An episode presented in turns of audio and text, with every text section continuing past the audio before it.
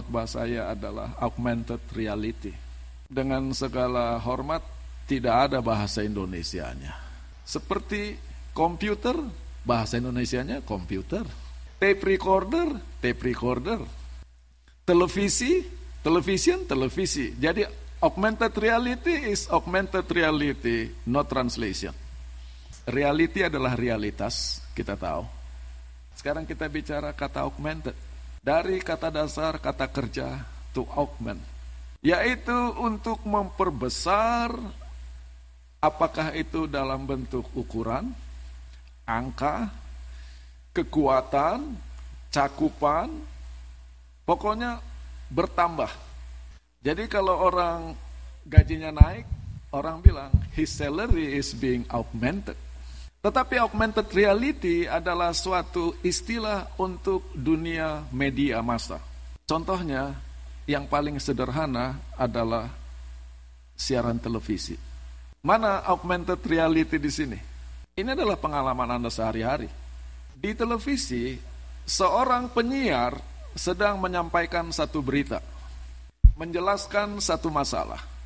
Tetapi di bawah dari screen saudara akan melihat update tentang berita-berita penting yang lain. That is augmented reality. Bahwa sementara realitas saya adalah mendengar satu berita, informasi saya ditambah, diperkaya dengan berita-berita lain. Ini adalah augmented reality dalam bentuk yang paling sederhana. Dan ini salah satu bentuk augmented reality yang paling canggih yaitu Pokemon Go. Nah, selama ini orang main game, hanya Anda dengan screen. Tetapi di dalam Pokemon Go, kita main game di dunia nyata, reality. Jadi objek yang dikejar itu bukan hanya ada di screen, tetapi seolah-olah ada di dunia nyata. Jadi inilah yang disebut sekarang augmented reality. Realitas yang diperkaya, realitas yang diperbanyak, yang diperhebat. Tetapi sebagian orang mengatakan justru yang disebut augmented reality justru realitas yang dimiskinkan atau dikurangi. Karena gantinya anak-anak kita menikmati dan mempelajari keindahan dan uh, kehebatan pohon, daun, rumput, mereka hanya sibuk dengan elektronik. Tetapi kalau dibilang ini adalah penemuan terbaru, saya tidak percaya. Augmented reality bukan barang baru. Saya akan perkenalkan augmented reality yang paling tua di dalam sejarah dunia. Bahwa kita menjalani hidup sehari-hari Kenyataan hidup kita diperkaya oleh karena kita baca Alkitab. Cara kita melihat hidup, cara kita melihat persoalan, cara kita menanggung kesusahan beda oleh karena kita punya Alkitab. Inilah augmented reality. Dan kita baca sama-sama ayat inti kita hari ini.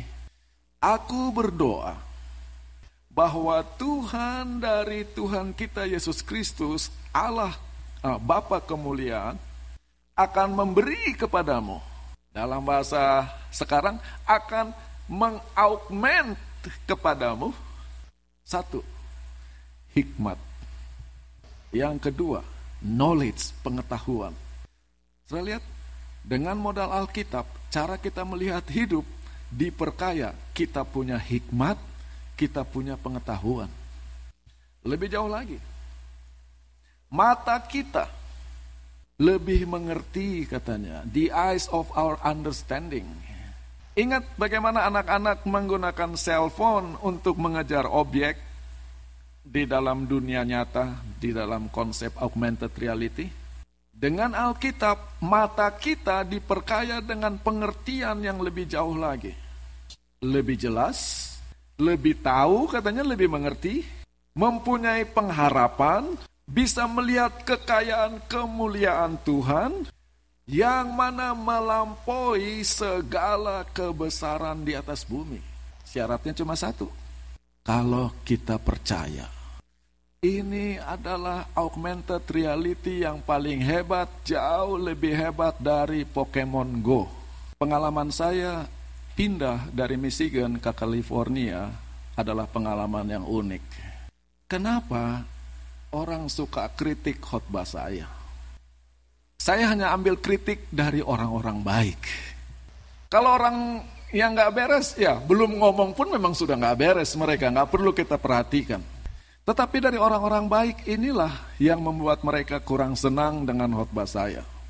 Ada sebagian orang mereka dengar khotbah tujuannya untuk mengkhotbahkan kembali khotbah itu.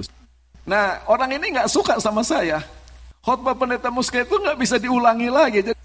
Nomor dua, kalau dia menerangkan Alkitab selalu beda dari yang kita tahu. Ini bikin bingung saja pendeta ini. Yang ketiga, orang-orang ini senang dengan khotbah saya. Ah, yang poin ketiga ini saya dapatkan dari ibu saya. Dia bilang begini, saya senang sekali mendengar khotbah-khotbah kamu. Masalahnya, setelah dengar khotbah kamu, saya tidak percaya diri lagi baca Alkitab. Dan sekarang saya baru sadar, ini perlu dijelaskan. Nomor satu yang paling penting, Anda baca Alkitab. Tetapi secara tidak sadar, tujuan orang baca Alkitab itu minimal ada tiga jenis. Yang pertama adalah baca Alkitab mengikuti program. Tiga pasal satu hari, lima pasal setiap hari sabat supaya satu tahun selesai baca Alkitab dari kejadian sampai wahyu. Itu program oriented Bible reading. Anda enjoy yang dibaca? Anda mengerti yang dibaca? Bukan itu tujuannya yang penting dimakan itu Alkitab supaya satu tahun habis. Ngerti? Itu bukan pertanyaan. Yang kedua adalah membaca Alkitab untuk mendapat penghiburan dan kekuatan rohani. Yaitu kalau baca Alkitab hati saya terhibur, hati saya dikuatkan, kesedihan saya diangkat, jadi baca ayatnya mungkin cuma satu ayat satu hari, tiga ayat satu hari, satu cerita, tetapi untuk mendapatkan penghiburan. Model yang ketiga adalah pendalaman Alkitab. Supaya saya bisa lebih tahu, lebih menguasai doktrin-doktrin dan ajaran. Jadi saya baca Alkitab untuk pendalaman. Tentang ini, apa pun gaya saudara baca Alkitab, bagus. Ada berkatnya dan saya akan menikmati augmented reality.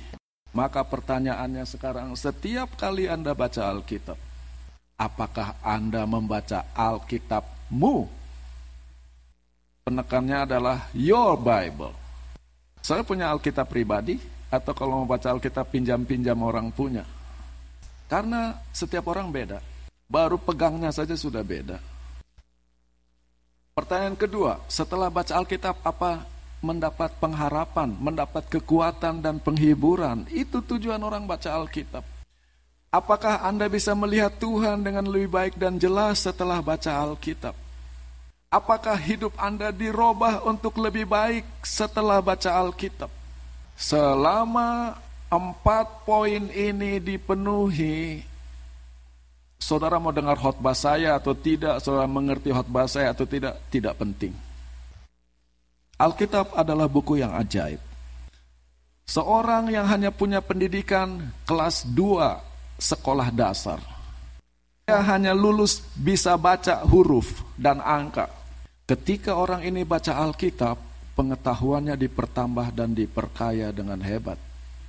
Pada saat Alkitab yang sama, ayat yang sama, merupakan misteri yang tak terpecahkan bagi orang yang sedang ambil gelar doktor sekalipun.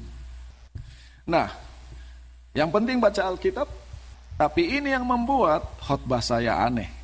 Ketika seseorang membaca Alkitab, secara tidak sadar ada tiga dunia yang sedang bergerak pada saat yang sama.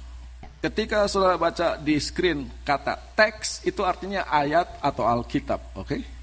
Dunia yang pertama adalah dunia di balik Alkitab. Itu adalah sejarah di mana cerita-cerita Alkitab terjadi. Yang kedua adalah dunia di dalam Alkitab. Bagaimana penulis Alkitab memilih kata-kata yang dia gunakan. Saya kasih saudara tugas sangat sederhana. Coba saudara tulis Alkitab. Ceritakan cerita penciptaan. Bagaimana saudara mau membuka cerita penciptaan? Nggak boleh nyontek Alkitab ya, bikin sendiri. Itu 40 tahun lebih Musa yang lulusan Mesir harus berpikir mau buka dengan kalimat akhirnya in the beginning. Itu susah sekali berpikirnya saudara-saudara. Kalau orang lain jadi itulah within. Jadi bagaimana dia membangun argumentasi, menyusun cerita itu ada di dalam Alkitab. Nah, dunia yang ketiga adalah di depan atau di hadapan Alkitab. Ini Alkitab. Siapa yang ada di hadapan Alkitab? Saya sebagai pembaca ada di hadapan Alkitab. Apa yang terjadi? Ketika orang baca, pertanyaannya, ah aku sedang susah. Aku mau baca Alkitab. Jadi saya baca Alkitab mau mencari penghiburan dari kesusahan. Jadi saya tidak peduli sejarah Alkitab, saya tidak peduli isi Alkitab, saya mau keperluan saya. Nah, ini di sini problem saya dengan kita sebagai pendengar. Mungkin 90% cara baca Alkitab kita selama ini ada di dalam before the text. Saya membaca Alkitab, saya baca Alkitab sesuka saya. Tetapi orang-orang yang sekolah kependetaan, mereka dididik untuk mengerti what happened behind the text, sejarah latar belakang Alkitab. Jadi mungkin 50% sejarah, 50% apa yang mau saya cari. Sementara saya kalau baca Alkitab, 90% itu within the text. Apa yang terjadi di dalam ayat itu, kata-kata apa yang digunakan dan segala strukturnya. Itulah sebabnya saya suka kedengaran aneh. Nah, orang yang baca Alkitab itu beda satu dari yang lain. Ketika seorang anak membaca Alkitab, pertanyaan-pertanyaan yang dia tanyakan, kesimpulan yang dia ambil beda. Ketika saya jadi remaja, Cara saya baca Alkitab dan menikmati Alkitab beda.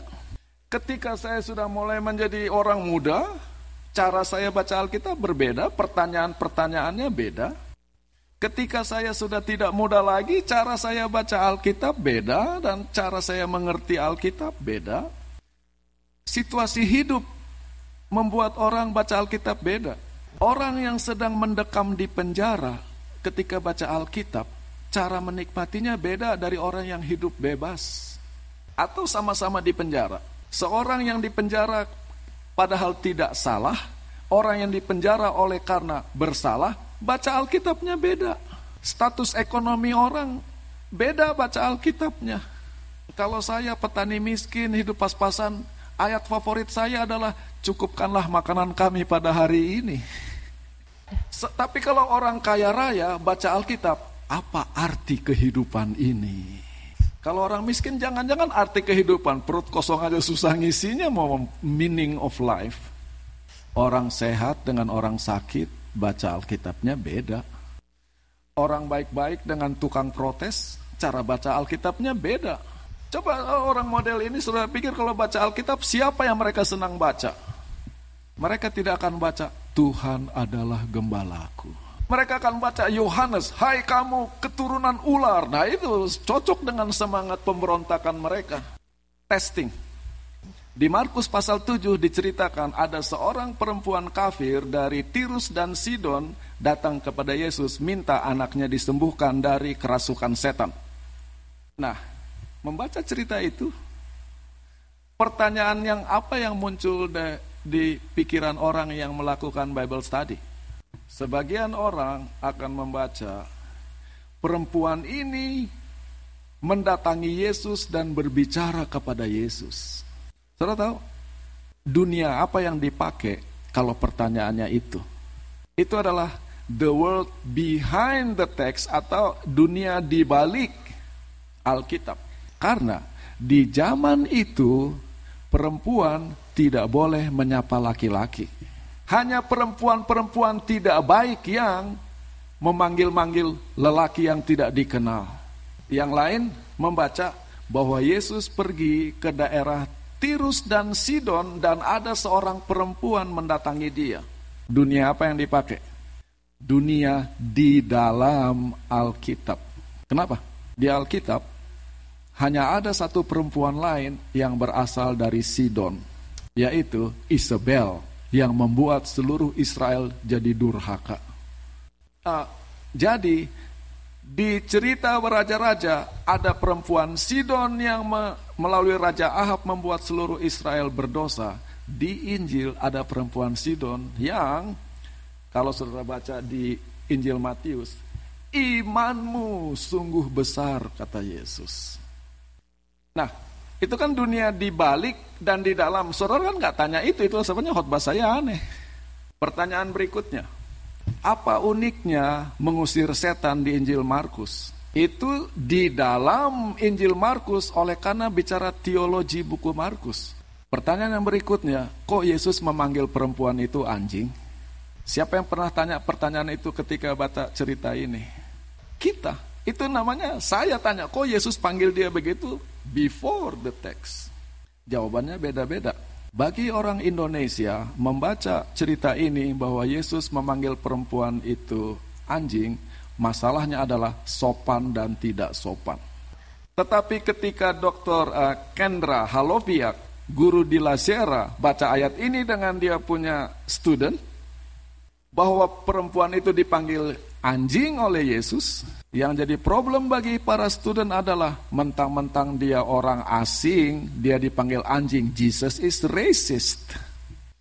Tetapi ketika Dr. Kendra baca ayat ini di antara pendeta-pendeta di Papua Nugini, pertanyaan mereka, bagaimana caranya supaya kami juga bisa usir setan? Karena di tempat tinggal mereka banyak sekali orang yang punya jimat, kerasukan setan, itulah beban mereka. Jadi pertanyaan bagaimana supaya kami bisa usir setan itu adalah dunia di depan Alkitab. Alkitab tidak mau jawab itu tetapi itu pertanyaan yang muncul. Saudara tambah jelas atau tambah bingung setelah saya terangkan ini? Contoh terakhir, Markus pasal 1, mulai ayat 35. Pagi-pagi sebel, ketika hari masih sangat gelap, Yesus bangun, Yesus pergi ke tempat yang sunyi dan berdoa. Oke, bagaimana Anda baca Alkitab cerita ini? Poinnya, seperti Yesus, kita sebagai umat Tuhan harus bangun pagi, jangan malas. Problemnya bagaimana kalau umat Tuhan itu kerja malam? Hari masih gelap, dia masih kerja, bagaimana sudah disuruh bangun? Memang dia bangun terus dari sore. Saudara lihat bagaimana dunia di depan Alkitab sering kali tidak sinkron dengan cerita. Poin nomor dua, bangun tidur jangan langsung lihat CNN, berdoa dulu, penunggu pagi dulu. Cari Yesus dulu, jangan langsung cari Donald Trump lagi mau ke mana. Tapi, jadi itu dunia di depan Alkitab, oke? Okay? Sekarang lihat dunia di dalam Alkitab, cerita yang sama. Sementara Yesus berdoa, katanya Simon dan kawan-kawannya, saya lihat bahasa Inggris yang digunakan hunted, memburu Yesus. Ini adalah New Revised Standard Version. Dan ketika mereka mencari Yesus dengan sangat agresif dan menemukan dia, kenapa? Karena semua orang mencari engkau, searching bukan hunted lagi. Saya sensitif dengan ini. Di sini hunted, di sini searching. Bagi orang lain, ah Yesus dicari, selesai. Buat saya, eh, tunggu dulu, ini kalimat menarik ini. Yang lebih unik lagi, murid-murid katakan, semua orang mencari engkau. Kalau saudara jadi Yesus, jawabannya apa? Mari kita ketemui orang-orang yang cari saya.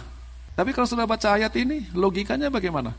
Mari kita pergi dan terus pergi ke kota-kota lain. Saudara lihat, Yesus aneh. Yesus dicari-cari orang, gantinya menemui orang yang mencari dia, dia pergi ke tempat-tempat lain. Itu baca Alkitab di dalam ayat. Apa Yesus sopan atau tidak? Dicari-cari justru pergi. Pertanyaan sopan santun adalah dunia orang di depan Alkitab. Saya punya concern. Tetapi kalau saudara sensitif dengan dunia di dalam Alkitab, pertanyaan teologinya apa ini? Baca sambungannya. Mari kita pergi ke kota-kota lain supaya saya bisa mengabarkan pekabaran di sana juga, kata Yesus. Maka Yesus berkeliling Galilea, mengabarkan pekabaran Injil, mengusir setan, orang kusta datang kepadanya mohon disembuhkan. Apa yang terjadi? Yesus sopan atau tidak? Yesus bukan tidak sopan, Yesus sedang sibuk. Tapi ada satu lagi yang lebih dalam lagi dari sini. Berhenti dulu. Ketika saudara baca Markus 1 cerita Yesus bangun waktu masih gelap, lalu dia keliling mengabar Injil, Markus sedang menggunakan cerita kejadian di kejadian 1 ayat 1 sampai 3. Bagaimana dunia diciptakan? Ayat 2 mengatakan bahwa bumi itu gelap, gulita, dan kosong. Lalu apa kata Tuhan? Jadilah terang dan jadi terang. Yesus ketika masih gelap, dia sudah siap dan dia mulai keliling. Datangnya terang, dia juga menjadi terang dunia melalui pekerjaan pelayanannya. Jadi Yesus adalah terang dunia melalui pelayanannya. Itulah sebabnya Markus harus tulis ketika masih sangat gelap. Dan dunia yang gelap ini menjadi terang oleh karena Yesus ada di dalamnya. Dikatakan orang-orang mencari Yesus. Tetapi Yesus tidak menemui mereka, dia justru pergi. Apa yang terjadi di situ? Kita harus ingat, kata yang paling pertama yang diucapkan Yesus di Injil Markus apa kata Yesus? Ikutlah aku. Artinya, kalau saudara mau mencari Yesus, saudara harus cari dia, tapi tidak cukup menemukan Yesus, saudara harus ikut Yesus pergi dari satu tempat ke tempat lain. Life is a journey. Hidup itu adalah perjalanan. Berapa lama kita perlu ikut Yesus? Sepanjang sisa hidup. Tolong terangkan kepada saya Markus 1 ayat 1 permulaan Injil Yesus Kristus anak Allah. Itulah Markus 1 ayat 1. Permulaan Injil Yesus Kristus anak Allah. Bagaimana saudara terangkan ayat ini? Apakah ayat 1 adalah permulaan, habis itu dia mau cerita bagaimana permulaannya? Berapa panjang permulaan Injil di Markus? Kalau itu yang dia mau jawab, dia harus bilang, inilah permulaan Injil Yesus Kristus. Tapi dia tidak katakan inilah permulaan Injil. Dia hanya katakan permulaan Injil. Apa artinya? Nah, sekarang saya jadi aneh lagi sekarang. Saudara dengar, saya mau jadi pengkhotbah aneh. Seluruh Injil Markus dari pasal 1 sampai pasal 16, cerita pelayanan Yesus sampai kematiannya dan kebangkitannya hanya merupakan permulaan dari kabar baik. Dengar, seluruh Injil Markus hanya merupakan permulaan dari kabar baik itu. Karena Injil kabar baik tidak berhenti ketika Injil Markus selesai. Itu baru permulaan. Kenapa? Karena ketika orang membaca Injil Markus, kabar baik di dalam buku itu pindah ke dalam orang yang membaca itu. Dan orang itu jadi menikmati hidup yang lebih baik. Dan kabar baik yang dimiliki orang itu diajarkan kepada anak-anaknya, sekarang anak-anaknya jadi pewaris kabar baik itu. Dan kabar baik itu diceritakan ke teman, ke orang lain, orang-orang itu jadi menikmati kabar baik itu. Dan cita-cita Tuhan semua orang bisa menerima, mendengar, dan menikmati kabar baik. Jadi, itu sebabnya Markus katakan, Injil saya ini cuma permulaan karena ini akan menjadi suatu proses dari zaman ke zaman sampai akhir zaman. Dan panggilannya hanya satu, ikut aku. Lalu ke mana ikut Tuhan? Yesus sibuk menolong orang katanya. Dengar ini, ketika Anda menolong orang, ketika Anda menjadi berkat bagi orang, Anda sedang mengikut Yesus. Dan semakin kita tekun dalam menjadi berkat, semakin jelas Yesus dalam hidup kita. Mengikut Yesus tidak selalu mudah. Yesus katakan, ikutlah aku. Tetapi di Mazmur 119 ayat 50 dikatakan, di dalam kesusahanku aku mendapat penghiburan. Bahwa, Alkitab Bahasa Indonesia, janji-janjimu menghidupkan aku. Jadi kalau sudah baca Alkitab, itu seperti Tuhan Yesus sedang bicara melalui janji-janjinya menghibur dan menguatkan kita. Saya mau cerita penutup. Orang ini namanya Sam Leonor. Sam Leonor adalah chaplain di La Sierra University. Satu kali datang ke kantornya seorang mahasiswa pakai mahasiswi pakai kursi roda. Mahasiswi ini sangat stres belajar sampai organ-organ tubuhnya mulai tidak berfungsi. Dan salah satu yang diserang paling keras adalah matanya. Dia dalam proses jadi buta. Kenapa? Karena stres. Lalu dia punya permintaan, Pastor Sam, tolong doakan saya. Berdoa, seminggu, dua minggu, tiga minggu, dua bulan, makin buta, makin parah penyakitnya. Lalu Sam sebagai pendeta, seperti apa yang pendeta lakukan, mulai rubah strategi. Seringkali kita harus menerima apa yang Tuhan lakukan bagi kita, katanya. Perempuan, no, no, no, no. Tugas kamu cuma mendoakan saya, bukan berkhotbah sama saya. Tiga bulan, empat bulan, tambah parah penyakitnya, buta total. Lalu Sam cerita tentang Paulus yang punya problem di matanya dan dia berdoa sama Tuhan dan Tuhan katakan, kasih karuniaku cukup bagimu. Saya nggak mau dengar cerita itu. Tugas kamu doakan saya supaya saya mau sembuh. Saya nggak mau yang lain. Semester selesai, anak itu pulang, liburan tiga bulan, pendaftaran tahun ajaran baru. Sam sedang di kantornya bicara sama orang. Tiba-tiba masuk ke kantornya bilang, ha, ha. Cuma itu aja itu yang orang bilang. Ini suara yang saya dengar berbulan-bulan lamanya tapi saya tidak pernah lihat orangnya. Rupanya setelah pulang, dia terus berdoa dan dia sembuh sehat, dia kembali sehat itu anak. Ini yang dia katakan kepada Sam. Di dalam kesusahan saya hanya suara kamu yang saya dengar dan itu menjadi sumber penghiburan. Terima kasih untuk doa-doamu. Dan sekarang saya bisa lihat kamu, bisa lihat muka kamu katanya. Saudara akan tiba saatnya nanti. Waktu Yesus datang, kita akan kata, ha ini dia. Selama ini hanya cerita tentang dia yang jadi sumber penghiburan buat saya. Selama ini khotbah-khotbah tentang kamu yang menguatkan saya. Selama ini hanya Alkitab sumber penghiburan saya. Sekarang saya bisa lihat muka kamu. Apa yang membuat kita bisa bertahan dalam hidup saudara? Berdiri di atas janji-janji Tuhan. Augmented reality. Hidup itu berat, hidup itu susah. Apa yang bikin kita bisa bertahan? Janji-janji di Alkitab. Coba kalau saudara tidak percaya. Janji-janji Tuhan itu ibarat tempat berdiri yang sangat kokoh